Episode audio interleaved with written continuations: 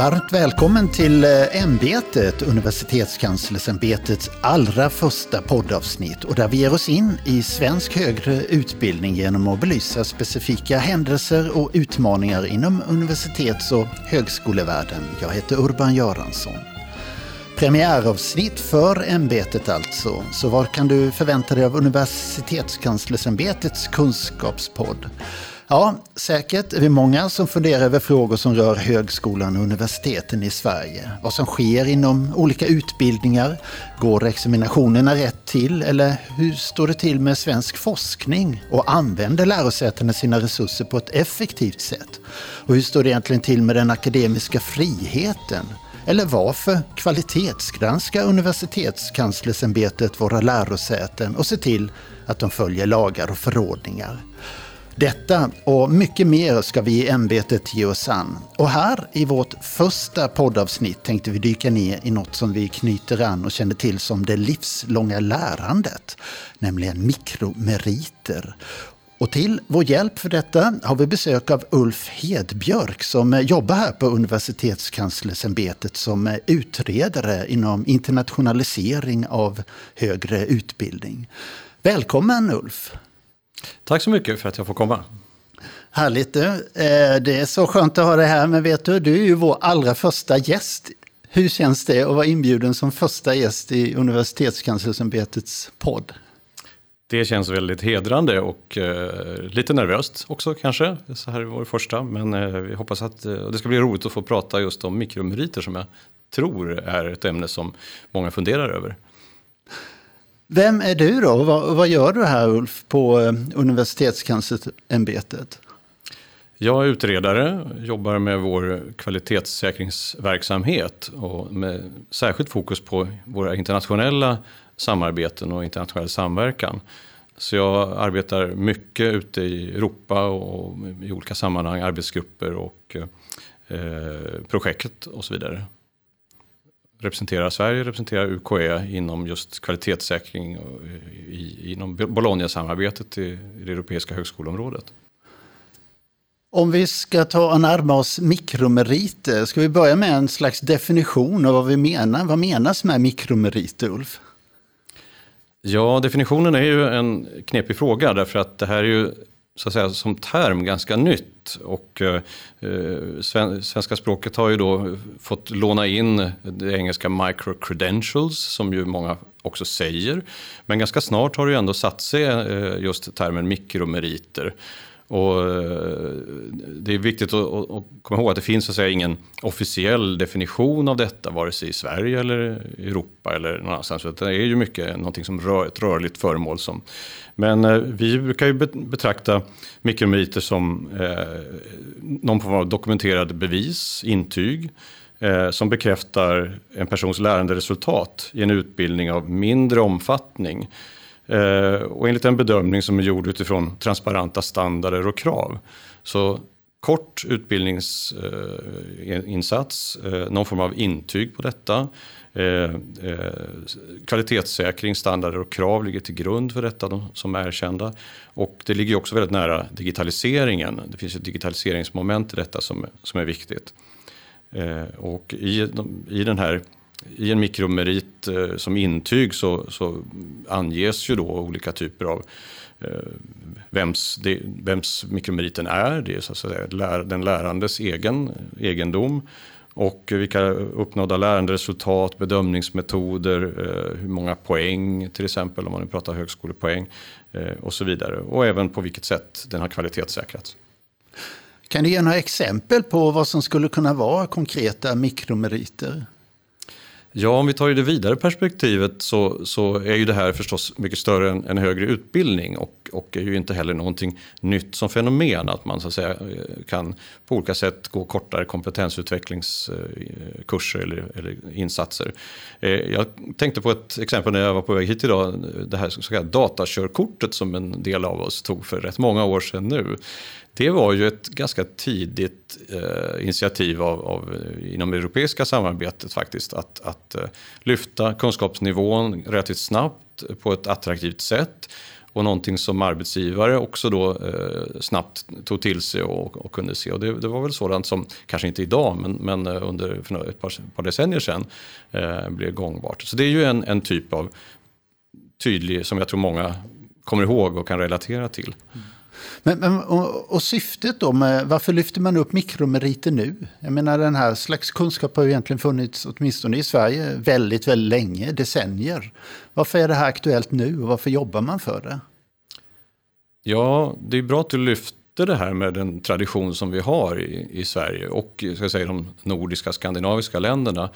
Eh, av det livslånga lärandet. Vi har folkbildningen som är viktig och som, som spelar en viktig roll i, i våra länder.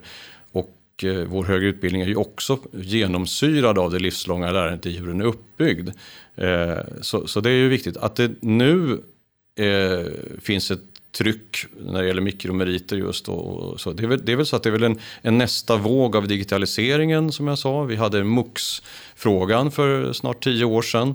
MUX, eh, ja. ja, alltså sådana här fristående online-kurser som man kunde ta. De definierade vi ju i Sverige som, eh, inte som högre utbildning för man så att säga, kan ju ta dem utan att vara student. Och i Sverige, i Sverige så eh, är man ju student om man är så att säga, registrerad för någon, någon kurs inom högre utbildning. Mm. Så det är ju eh, en av frågorna. Sen måste man ju se till sådana eh, saker i vår omvärld som finanskrisen för eh, sju, åtta år sedan. Eh, satte ju fingret på stora behov av kompetensutveckling, omställning. Och det här har ju fortsatt. Vi har, vi har Agenda 2030 som definierar också social hållbarhet och mål kring detta.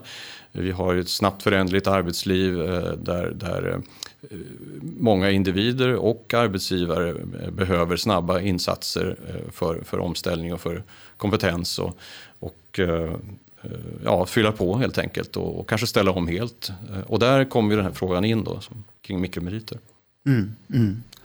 Finns det någon mobil tanke med det här också? Jag menar, självklart syfte att kunna ställa om, världen förändras och vi måste också uppdatera oss på kunskap och så. Men finns det andra tankar om att man vill få en mycket enklare rörlighet i Europa till exempel?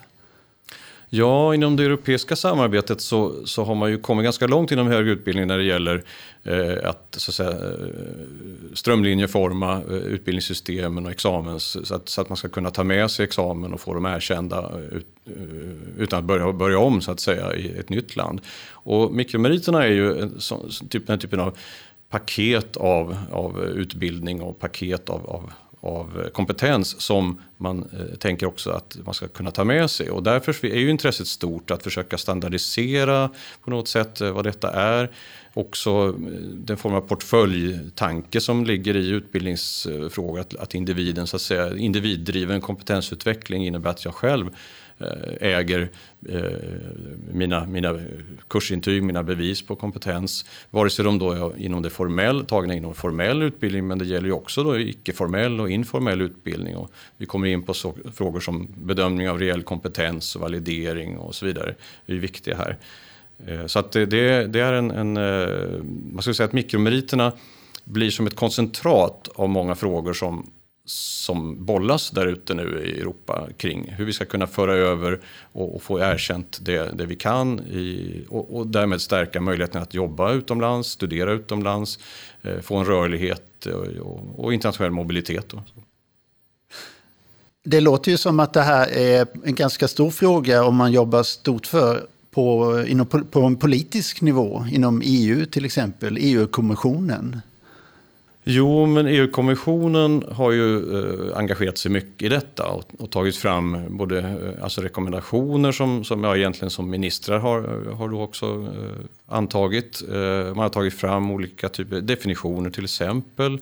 Eh, Eh, rekommendationer hur man kan arbeta med eh, mikromeriterna, eh, erkännandefrågorna, överförbarhetsfrågor och så vidare. Så att EU-kommissionen lägger rätt mycket energi på detta och nästa år, 2024, är det mycket som ska gå i mål inom det europeiska samarbetet och det här är ju en av frågorna som, som kommissionen tänker sig att, att man ska ha nått långt. Och det drivs ju då som sagt både av, ska man säga, av Eh, de omställningsbehov som finns, eh, reella behov som finns på arbetsmarknaden. Men också av ska man säga, en, en politisk tanke kring att eh, ytterligare integrera utbildning. Och man har ju som mål att skapa det så kallade europeiska utbildningsområdet, European Education Area, inom 2024-2025.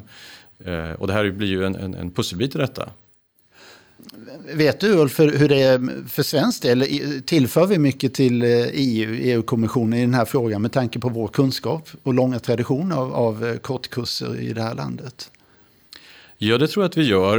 Eh, men jag tror också att vi skulle kunna göra mer.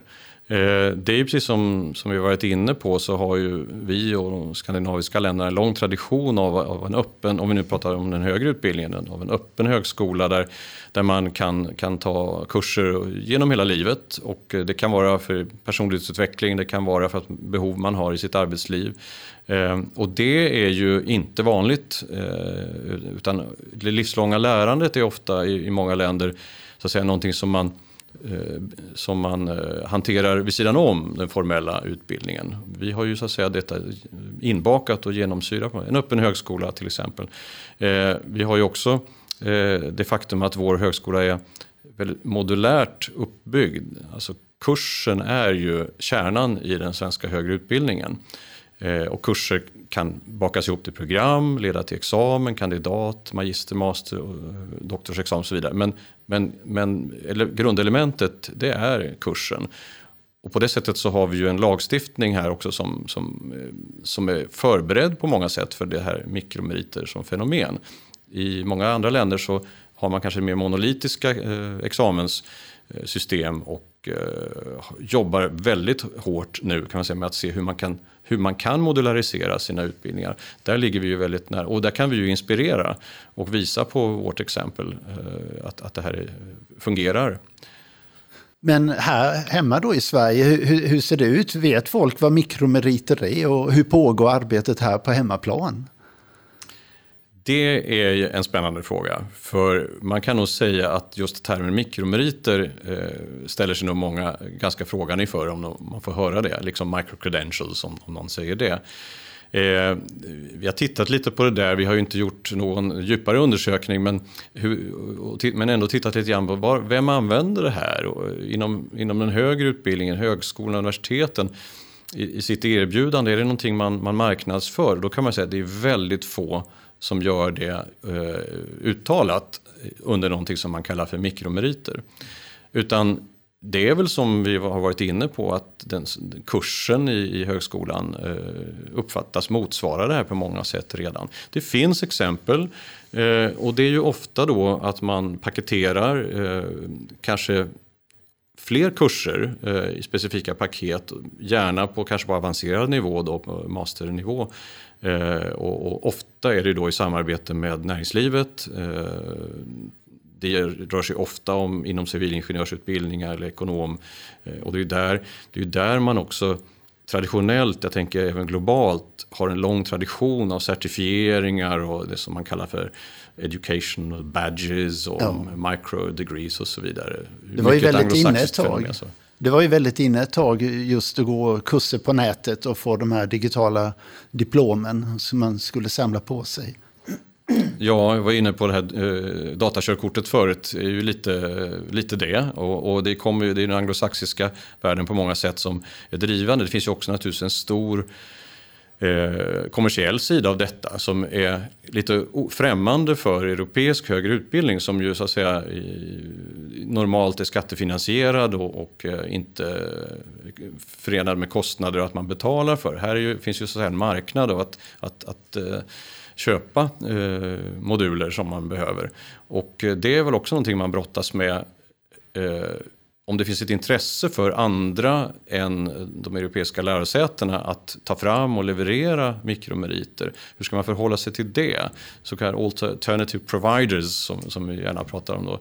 Ehm, Men blir, det en kunskap, blir det en syn på kunskapsfrågan egentligen då? Eller vem, vad som ska räknas som kunskap och vem ska i så fall validera den? Ja, det är mycket validering, alltså kvalitetssäkring om vi tänker lite vad, jag och vi framförallt arbetar med i, UKÄ. på UKÄ. Så är ju det en fråga så att säga. Därför att kvalitetssäkring inom det europeiska högre utbildningsområdet det vilar ju på en stadig grund av överenskomna standarder och värderingar i de så kallade European Standards and Guidelines. Mm.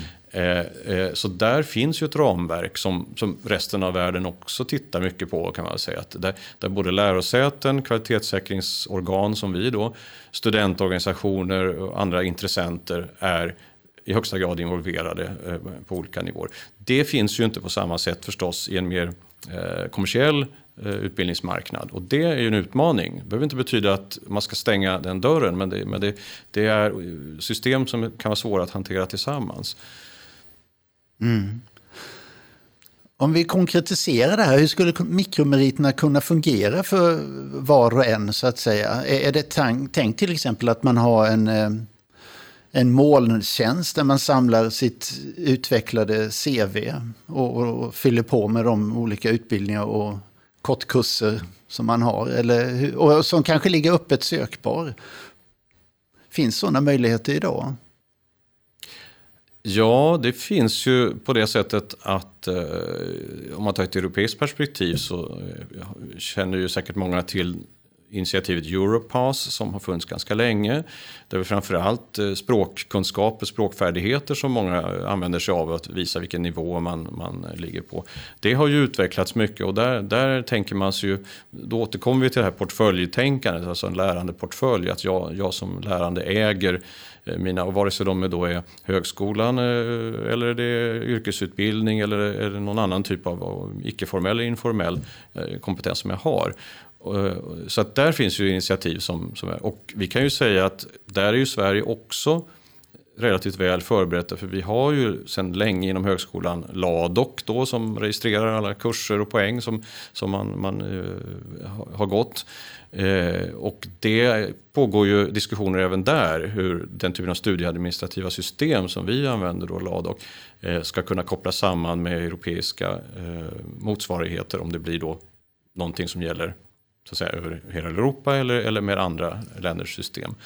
Eh, så där, där, finns, och det är ju en förutsättning för det som vi var inne på tidigare, att, att det ska vara lätt att ta med sig, det ska vara lätt att få det erkänt. Eh, man ska veta i Italien, Portugal, Slovenien vad en, en svensk eh, utbildnings, ett utbildningspaket som man har gått, vad det innebär och inte behöva få det värderat och validerat igen. Och så har man ju kommit ganska långt redan när det gäller kandidat och masterexamina som alla känner till och är bekväma med. Och så här. här är ju ett fenomen som sagt som slår lite olika i olika länder beroende på hur, hur väl förberedda och vilka traditioner man har. Men det låter ju som att mycket av de här mikromeriterna som då är meriterande, att de är väldigt teoretiska. Jag tänker att det finns ju ohyggligt mycket praktiska kunskaper också. Hur, hur ser man på sådan kunskap och hur valideras sådan? Ja, där kommer du in på den här, en intressant fråga när det, som mikromeriter tycker jag sätter fingret på. Det är ju förstås eh, gränsdragningsfrågor mellan olika delar av utbildningssystemet. Eh, vi pratar högre utbildning, UKE jobbar ju, arbetar ju med den högre utbildningen. Men eh, mikromeriter skär ju så att säga både eh, tvärs över högre utbildning och eh, yrkeshögskolan, eh, andra typer av, av kompetensinsatser eh, som, som arbetsgivare och arbetstagare kan vara inblandade i. Uppdragsutbildning förstås på olika sätt inom högskolan men även annan typ av, av uppdragsutbildning.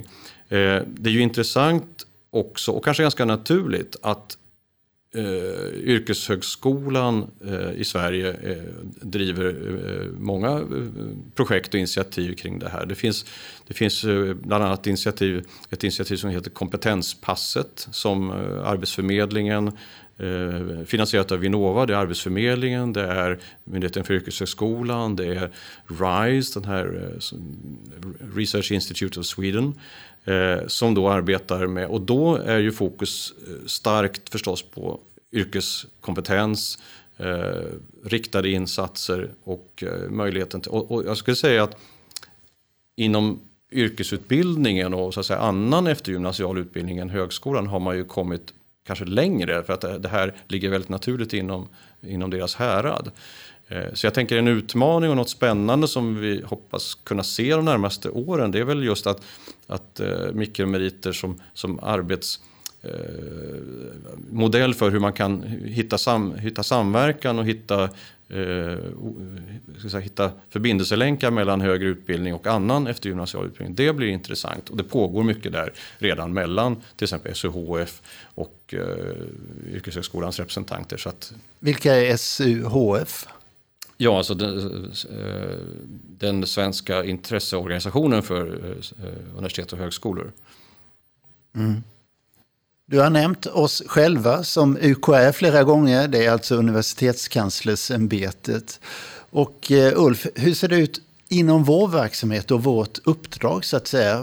Hur, eh, hur landar mikromeriter i våra händer på Universitetskanslersämbetet? Ja, då ska vi väl konstatera att vi har ju inte några direkta uppdrag från regeringen kring detta som, som så att säga specifikt pekar ut mikromeriter. Eh, men det finns ett intresse för det och eh, vi kan väl säga att eh, om vi nu då, UKÄ, har verksamheter inom lagstiftningsområdet och rättsliga frågor. Vi har kvalitetssäkring, vi följer upp högskolornas verksamhet och nationellt ansvarig för högskolans statistik och så vidare. Så kan vi säga att inom de områdena som, och verksamhetsområden som, som UKÄ har så är det framförallt inom kvalitetssäkring för närvarande som vi agerar. Och det gör vi eh, dels genom eh, som jag sagt, samtal med SUHF, då, eller Myndigheten för yrkeshögskolan, eh, de andra som är inblandade. Så, så inom och även inom högre utbildningssektorn men också med de andra sektorerna. Så där sker det ju i samtalsform så att säga kring detta. Mycket av det vi gör är ju inom internationell samverkan som vi varit inne på. Och eh, där ingår vi på olika sätt i Bologna-samarbetet. Så Bologna-samarbetet är ju, är ju så att säga hur man vill ensa högre utbildning och forskningsvillkor eh, inom, inom det europeiska högre utbildningsområdet. Så det är Europa men ändå lite större än så också. Eh, vi arbetar, där representerar vi Sverige i olika arbetsgrupper kring kvalitetssäkring och mikromeriter kommer in där. Vi arbetar inom ENKA, då, den europeiska organisationen för kvalitetssäkringsorganisationen, där, där UKÄ är med igen sedan 2020. Och även inom det europeiska registret kvalitetssäkringsorganisationen som heter EQUAR, då, EQAR, eh, finns de här frågorna med. Och vi sitter med där i olika projekt och arbetsgrupper och påverka. Och där ger ju vi möjlighet, då, då, har vi ju så att snävat in till kvalitetssäkringsperspektivet. När du och jag pratar här så, så, så är ju mikromeriter ett fenomen som, som, som eh, sträcker sig in i allt från erkännande frågor som inte riktigt är våra frågor på vår myndighet men som vår systermyndighet UHR har hand om och där har vi ju mycket dialog med dem då därför att mm. kvalitetssäkring och erkännande ligger ju extremt nära varandra och framförallt kanske i den här typen av fenomen som mikromeriter utgör. Men Ulf, eh, kvalitetssäkrar universitetskanslersämbetet mikromeriter?